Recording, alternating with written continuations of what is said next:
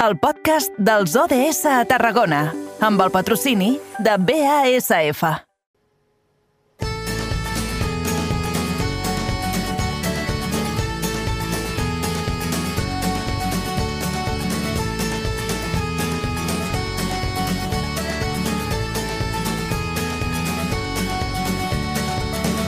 Al final del final, donde ya no llega el mar, las noches se queman, la luz nunca se va.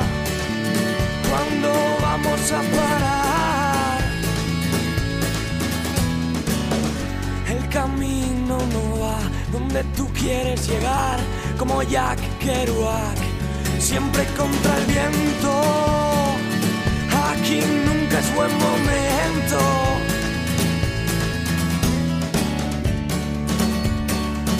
Passen 7 minutets del punt de les 6 de la tarda. Seguim nosaltres recorrent aquest bon ritme a la xarxa viària del Camp de Tarragona per aturar-nos un dia més als estudis de BX Ràdio. Allí tenim el nostre company Miquel Llavaria. Miquel, bona tarda, bon dimecres. Bona tarda a tothom. Escolta, Miquel, eh, abans no marxi del cap, permetem que et pregunti per la dicotomia del senyor Ramon d'aquesta setmana, una dicotomia que eh, precisament eh, clourem eh, abans perquè divendres és festiu, divendres és Sant Joan i per tant demà vigília, demà dia de rebella, eh, hem de resoldre tot el que ens ha plantejat el nostre fidel oient de Cala Romana aquesta setmana. Eh, tu ets més a l'hora de celebracions a fer-les a casa o bé de sortir, de, de, de carrer, d'exterior, de, de, de que la casa la posi un altre? Jo crec que normalment d'exterior. A casa no m'he portat molta, moltes festes, la veritat. A casa normalment un lloc més, més tranquil, anem a dir. Més de reunió tranquil. Molt bé. I a més a més, eh, si la festa es fa a casa, després, ai, toca plegar trastets, netejar i aquell munt de coses que abans ens deia l'Angie. En tot cas, aquesta és la dicotomia de la setmana. Tots vostès que ens estan escoltant la poden resoldre a través de les xarxes socials, però un altre moment, perquè ara hem d'agafar l'agenda 2030 de les Nacions Unides. Espai pels objectius de desenvolupament sostenible. Aquest pilar que vam començar a aixecar el passat mes de setembre i que ens acompanyarà de moment fins a final de temporada. Avui ens quedem amb l'objectiu número 11, ciutats i comunitats sostenibles. Eh, tu diràs, Miquel. Així és, Eduard, perquè al final per la sostenibilitat de les nostres comunitats portem tenint el debat des de fa temps sobre els combustibles que utilitzem tant en el transport privat com públic. I avui, per tractar una miqueta aquesta temàtica, parlarem sobre el concurs Chemecar, on van participar alumnes del primer grau d'Enginyeria Química de la Universitat Rovira i Virgili i on tenien que crear cotxes propulsats per hidrogen que aconseguissin recórrer la distància de 15,6 metres. Cada grup ho va, ho va fer de la seva manera i es van quedar molt a prop. El que més a prop es va quedar el grup que es va costar més aquests 15,6 metres, si no m'equivoco, es va quedar tan sols 36 centímetres, que realment és no res.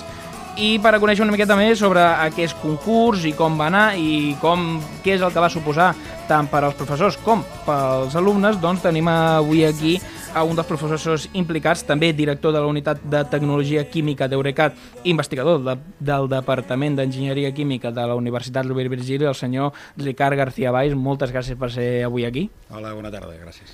Eh, primer, com va ser l'experiència pel, pels estudiants no?, que van participar en aquest concurs? Bé, l'experiència té les parts positives i negatives. Eh? Les negatives que és molta feina, ells estan treballant durant tot el curs, o sigui, els dos quadrimestres eh, fent parts d'aquest disseny i al final doncs, una experiència molt positiva, és una experiència molt divertida per ells quan van, tenen els cotxes construïts i estan fent un concurs en públic davant, amb totes les emocions que això comporta i on han de demostrar doncs, allò que saben fer. No?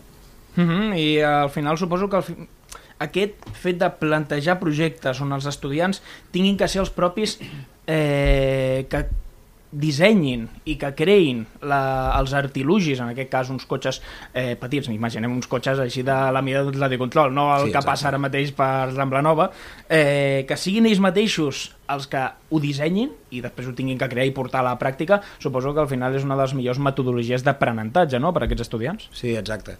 A- Aquest és un model educatiu que no és nou, però que sí que té, diguem-ne, optimitzacions als últims anys, no? Les optimitzacions és que treballen en un laboratori obert, on ells, com tu has dit, han de dissenyar des de zero eh, allò que fan en el laboratori, allò que fan en tot el seu projecte, aplicant coneixements ja el primer any que estan a la universitat de les diferents, de les diferents assignatures que tenen eh, i treballant en un entorn que simula la realitat. Ells han d'organitzar en equips, equips que estan organitzats professionalment, dirigits per estudiants de quart, que fan de, de líders de la mateixa, de la mateixa ensenyament d'enginyeria química i clar, la dificultat és que no els hi pautem en accés al principi perquè ells vagin resolent problemes el més semblant a la vida real ja des del primer dia. Clar, això provoca un cert desconcert a l'inici per ells, un cert caos, però aquest és el caos que necessitem perquè surti la creativitat, perquè surti l'espontaneïtat, perquè surti la bona organització dels equips i al final el concurs posa a prova amb això d'una tensió especial, tensió de nervis, eh, vull dir, a aquells concurs, que, aquells grups, aquells equips que aconsegueixen l'excel·lència, per dir-ho així, no?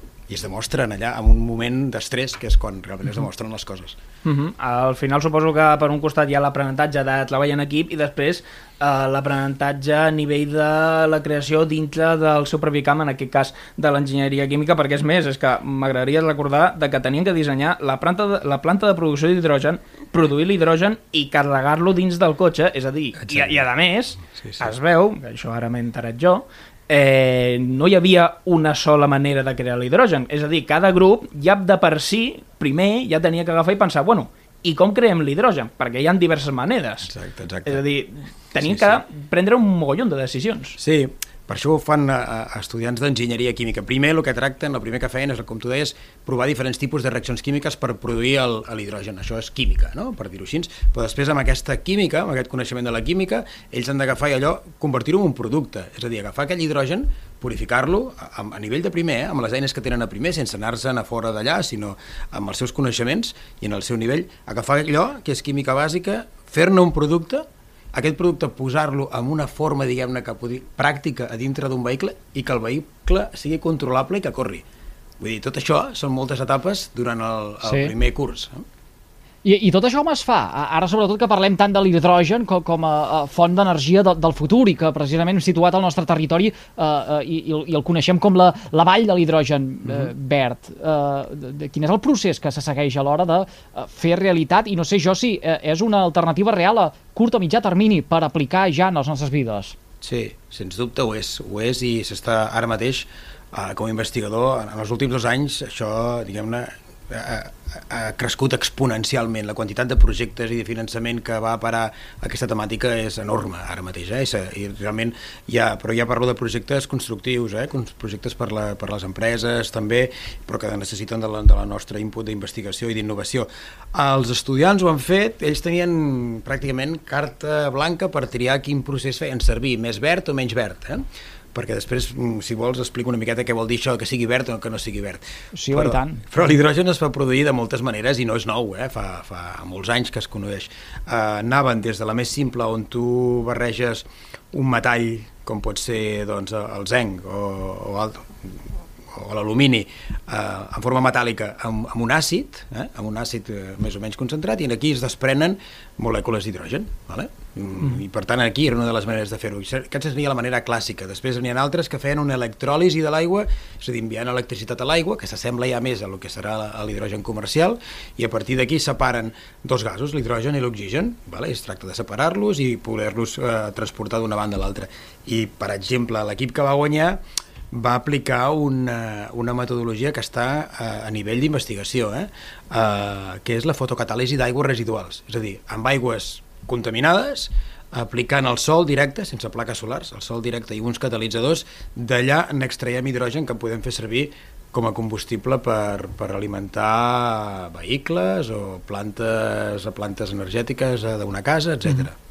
Mm, és, és a dir, que una miqueta recorda una miqueta a l'energia elèctrica, no? Perquè al final és una energia que es pot aconseguir de diverses maneres sí. i també d'aquestes diverses maneres hi ha algunes que són, diguem, més verdes que altres, que sí. són més ecològiques. Sí. Aleshores tindria una semblança amb l'energia elèctrica. Sí, de fet, l'hidrogen, mm, per parlar estrictament eh, des del punt de vista científic i tècnic, no és una font energètica, sinó un vector energètic. És a dir, l'hidrogen serveix per agafar electricitats, ja sigui la solar, en plaques solar, eh, mitjançant plaques solars, ja sigui residus d'energia elèctrica d'allà on vinguin, fins i tot podrien venir de nuclear, d'allà on siguin, d'una eòlica, d'on siguin, el que fas és acumular aquella energia elèctrica en una forma química estable.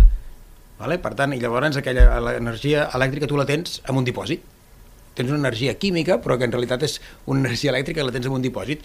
Recuperes aquell hidrogen amb un reactor espacial, que se't diu un electrolitzador o una pila de combustible, i a partir d'aquí produeixes electricitat una altra vegada que l'havies acumulada allà.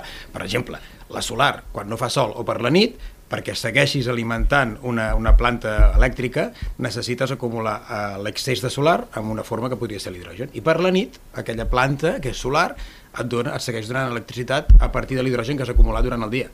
Uh -huh. eh, si ens basem, si ens centrem sobretot en el tema d'aplicar aquests combustibles en el transport, perquè sí. la veritat jo crec que veient tot el tema com ha anat, el tema dels vehicles i del transport és en el punt on més debat hi ha hagut, no? Uh -huh. de si seguim amb motors tèrmics, què fem amb els híbrids, l'electrificació i moltes altres form formes com l'hidrogen uh -huh. per moure tants transports privats com públics. Si ens anem al full de ruta de l'hidrogen que va presentar el Ministeri per a la Transició Ecològica espanyol de cara a aquest 2030, a nivell de transport, planteja entre 100 i 150 estacions de recàrrega d'hidrogen d'accés públic, entre 150 i 200 autobusos d'hidrogen, dues línies de tren impulsades per hidrogen i entre 5.000 i 7.500 vehicles de transport de mercaderies lleugers i pesats. Mm. És a dir, mirant aquest plantejament, que com a mínim fa des del Ministeri, estem assenyalant que l'hidrogen dins del món del transport serà fet servir per la indústria, transport públic i de mercaderies? És aquesta una línia correcta o tindria que extrapolar-se a altres tipus de transport? És, tot el que dius és correcte. Uh, a on és més viable i on és més necessari és en el transport pesant, uh -huh. vale? perquè si només podem fer servir vehicles elèctrics, les bateries que hauries de portar per alimentar un camió d'unes quantes tones eh, faria que sigui quasi ben més pesada les bateries que el propi camió i el transport que porten. Amb la qual cosa, el vehicle elèctric gran serà un vehicle elèctric basat en tecnologia d'hidrogen. Eh? Perquè finalment l'hidrogen, eh, com us he dit abans, va parar una pila de combustible que dona electricitat i aquest vehicle elèctric, aquest vehicle pesant, tindrà un motor elèctric igualment, per tant no farà emissions, però serà alimentat amb hidrogen. Vale? Tant per barcos com per camions i trens d'entrada. I després el vehicle privat també, però aquí hi ha un debat molt intens també hi ha molts lobbies de pressió i qui vol col·locar més les piles de liti, eh, tenim la tecnologia eh, de, de, com es diu, el, el cotxe americà, el que no em sortirà. El, cotxe americà. el Tesla, el, el Tesla, Tesla sí. que, que també té, apreta bastant. Um, totes les marques estan tenint tots els cotxes elèctrics i híbrids possibles, més el cotxe de pila de combustible, és a dir, el cotxe d'hidrogen. Uh mhm. -huh. Per tant, en aquí jo crec que serà l'última, l'últim lloc on es, on, on es posi, però també acabarà arribant l'hidrogen, perquè l'autonomia la, de l'hidrogen i la facilitat de portar-ho uh, supera molt a, a, la, a la pila de, de liti, no? per exemple. Uh mhm. -huh. Quin és l'horitzó? Quin és l'any que hauríem de, de, de marcar com a... Uh, quan això uh, al final acabarà uh, materialitzant-se? El que deies abans... Tenint en, sí. tenint en compte les normatives eh? Uh, i el, i el, uh, que, que hi ha, per exemple, no recordo, és el 2050, que ja no es fabricaran, uh, per exemple, mm -hmm. automòbils de combustió. Uh, 2035, me sembla. 2035, 2035 perdó, exacte. 2035 a la Unió Europea. Sí, per tant, en aquell moment tot el transport pesant hauria de ser per, per pila d'hidrogen. Vale? Uh, no està molt lluny, eh, això. El principal problema ja no és la tecnologia en si, eh, perquè la tecnologia estem a uns nivells molt avançats, de, per exemple, el Toyota Mirai tu el pots comprar, eh? te'n pots anar a comprar un Toyota Mirai i és un cotxe d'hidrogen que el pots fer servir com un altre cotxe sempre que trobis punts de recàrrega d'hidrogen que això... Clar, aquest, a, a, aquest serà l'altre què, les Exacte. hidrogeneres o com s'hagin de dir. I les hidrogeneres, si no estan alimentades amb energia verda, tot plegat no té sentit. És a dir, si tu agafes una, hidrogena, una hidrogenera per electròlisi d'aigua, però l'electricitat que envies de l'electrolitzador està fet amb carbó, ja l'hem fotut, m'entens? Ha de ser un hidrogen eh, alimentat amb energia verda. Uh -huh. És més, també en això aquí hi ha un punt, en el fet de que mm, s'està investigant sobre aquesta tecnologia per aplicar-la en el transport públic i també al privat, sí. però clar, per poder que el consumidor digui, doncs me compro un cotxe de hidrogen Clar. i ha d'haver un punt on puguis recarregar l'hidrogen, tal i com ara hi ha hagut el tema de que fins ara ningú s'ha plantejat comprar-se un cotxe elèctric fins que de veritat les institucions no s'han posat Clar. eh, seriosament a dir eh, fiquem Sí. eh, punts de la càrrega elèctrica, Sí. perquè, recordo, full de ruta de l'hidrogen, entre 100 i 150 estacions de la càrrega d'hidrogen a tota Espanya l'any 2030. Ara mateix en tenim tres, diria. Dues o tres. Eh, I, I benzineres n'hi ha més d'11.000 a tot Espanya. Clar, clar, clar. però- Aleshores, sí, hi ha marques com Toyota que ofereix el Mirai, també hi ha algunes com Honda o Hyundai que també ofereixen algun model Sí. d'hidrogen, però clar, quin sentit té? No, no és més com un simple fet de que la marca mar- marca múscul tecnològic més que per realment Clar. vendre algun cotxe? Sí, a veure, eh, això és una cosa... És, estem parlant de coses de, velocitat, de velocitats, diria, tectòniques, no sé si m'enteneu. És a dir, no estem parlant de, de fer, uh, uh, jo què sé, eh, que com, com l'Edu jo sóc d'Altafulla, no? Uh, que, en un, que en un poble petit siguis capaç de posar una hidrogenadora i... No, no, és que estàs, has de fer tota una estructura global, mundial, en la qual tinguis producció d'hidrogen verd i tinguis la instal·lació de centenars i centenars i arribar a tantes com benzineres tingueran. De fet, serà una reconversió de les benzineres, la majoria, eh? eh sembla ser, que puguis fer tot això. Però tot això s'han de fabricar tots els components per arribar allà. I què tenim ara, per exemple? Mm, Toyota té mm, patentada eh, les piles de combustible i els electrolitzadors, tot això està més o menys patentat, però no hi ha capacitat mundial per fabricar tots els que necessitaríem en els propers 3 anys. Mm -hmm. Què està naixent ara? Tots aquests multitud de projectes és, doncs, uh, Made in Spain, Made in France, Made in Alemanya, estan naixent empreses, startups i empreses grans que estan començant a desenvolupar tecnologia per fabricar-les en el país corresponent. Aquí a Tarragona també. Uh -huh. Per- I, I hi ha tam també un dels grans dubtes. Ara mateix, si tu te'n vas amb un concessionari, Sí. tens una d'ofertes de tipologies de motorització que és impressionant. S'atura una mica, això, Tens, sí. tens el motor tèrmic, que bueno, el dièsel s'està morint, però ara so, encara tenim la gasolina bastant mm. present. Tenim els híbrids, que n'hi ha un fotimer de tipus. Tenim els elèctrics. I després comencem amb els de gas, amb els d'hidrogen, piles de combustible, i comences a marejar-te. Sí. Eh, ara mateix han de conviure en el mateix parc automobilístic un fotimer de tipologies de motorització. Uh -huh. Això en un llarg termini, eh? estem parlant ja de bastantes dècades vista. Seguirà sent així, el pla ha de ser aquest, de que mm, tinguin que conviure i potser, depenent del transport o del per a què va destinat, fem servir un tipus o un altre, mm. o és tot perquè vagi convivint i això serà un curt, mig termini fins que al final tot acabi confluint en un sol tipus de combustible. Vale. Jo crec que hi ha una mica de tot. També hi ha una mica de tot, que vol dir que sí, que jo crec que hi haurà un mix final de moltes tecnologies diferents, eh, totes hauran de ser més o menys verdes, però hi haurà una, una convivència. A part que tu no pots tancar una tecnologia avui i el dia següent tenir una altra llesta a punt, per tant, és una cosa que va filtrant mentre una va morint, l'altra va naixent.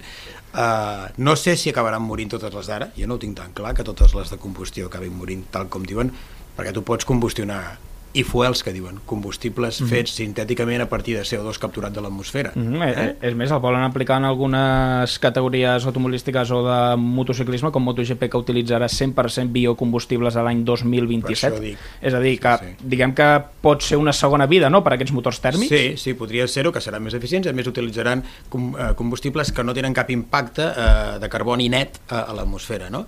Eh, per tant, jo crec que hi haurà una una convivència al final de diferents tecnologies, eh? no hi haurà només un sol tipus de... Això ho veig molt difícil, perquè tampoc tenim clar quina capacitat d'hidrogen tindrem a l'any 2050, hidrogen verd, Uh -huh. vale? Uh, hidrogen gris, que és el que es treu del gas natural, podríem fer tot el que volguéssim. De fet, aquí a Tarragona en produïm bastant cada dia, vale? per les, pels processos químics, perquè s'utilitza com a reactiu químic i tal, però no estem parlant d'això, estem parlant d'hidrogen verd. Ah, ah, aleshores, est, una, digues, digues, tan endavant. una, una petita de suposició. Els biocombustibles podrien ser l'excusa per salvar el els motors tèrmics l'any 2035 per la prohibició que vol fer la Unió Europea? Podria ser. Jo crec que sí. Nosaltres, nosaltres mateixos, en el meu centre tecnològic, en el, bueno, el meu, en el que jo, en el que jo faig investigació, tenim diferents projectes en els quals estem agafant CO2 i hidrogen verd i n'estem fent fuels. Vale? Fuels per què? Per, per, per aprofitar d'una altra manera en alguns altres terrenys, no? o en alguns tipus de vehicles. Aquests fuels que tu dius podien ser realment una excusa per, per no tancar del tot aquests motors elèctrics, perquè en realitat l'impacte que tenen serà el mateix que l'hidrogen. Vale? en realitat. I, en, per tant, en aquest sí. sentit, a, a, en aquest sentit, ara que precisament hem posat, hem posat eh, en, en relleu eh, la, la capacitat de recuperar aquest CO2 per uh, Mhm. després convertir-lo, a, a finals de de 2020 ens explicava Ricard en una entrevista que ja et fèiem aquí en aquest mateix programa Sí. que uh, estàveu liderant un uh, estudi per tal de poder capturar aquest diòxid de carboni de l'atmosfera i reutilitzar-lo uh, després, això amb una uh, captació a través d'un dispositiu que aleshores estàveu acabant de, de, de dissenyar des de la URB i el centre d'Eurecat a, a, Sí. a Tarragona, en tenia un petit prototip.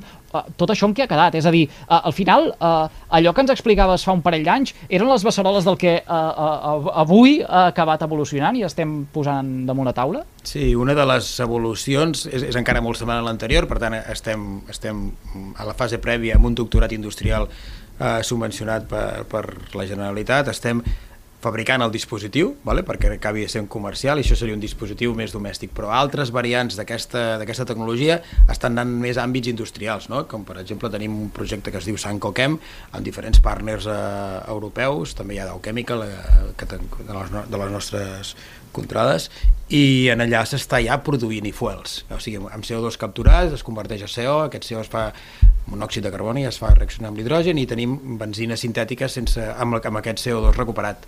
Per tant, sí, aquella, va- aquell, allò que em vas entrevistar, segueix una petita part segueix amb una mateixa línia per arribar a aquell dispositiu, però aquesta mateixa tecnologia està aplicada a altres d'altres maneres més industrials, més a gran volum, per acabar fent totes aquestes reaccions químiques per tenir una nova química verda. Eh?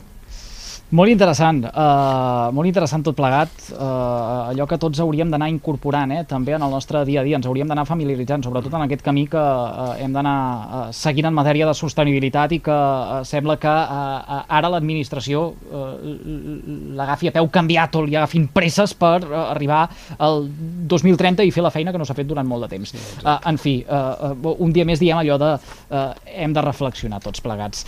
Ricard, uh, gràcies un dia més per compartir aquests minutets amb tots nosaltres. Molt interessant. Enhorabona per la feinada que feu. A vosaltres, gràcies. Aquí, en aquest cas, en el concurs que, que, que m'heu invitat per explicar, és per, per formar els alumnes amb els enginyers químics que fem a Tarragona. No ho fan a moltes universitats, crec que estem molt pel davant de moltes escoles d'enginyeria que tenen potser més fama, uh, i el que fem és posar-los, aquests estudiants, a treballar d'aquesta manera real en projectes de tecnologia real que, està, uh, que és tecnologia punta que tindrà impacte en tots nosaltres, a tota la societat. Eh? Podem presumir, podem presumir de, de Rovira i Virgili, de, de tots els professionals que hi treballen i la bona feina, eh? eh, els fonaments de, dels professionals del, del futur. Ricard García Galls, eh, que vagi molt bé a reveure. Moltes gràcies. Adéu.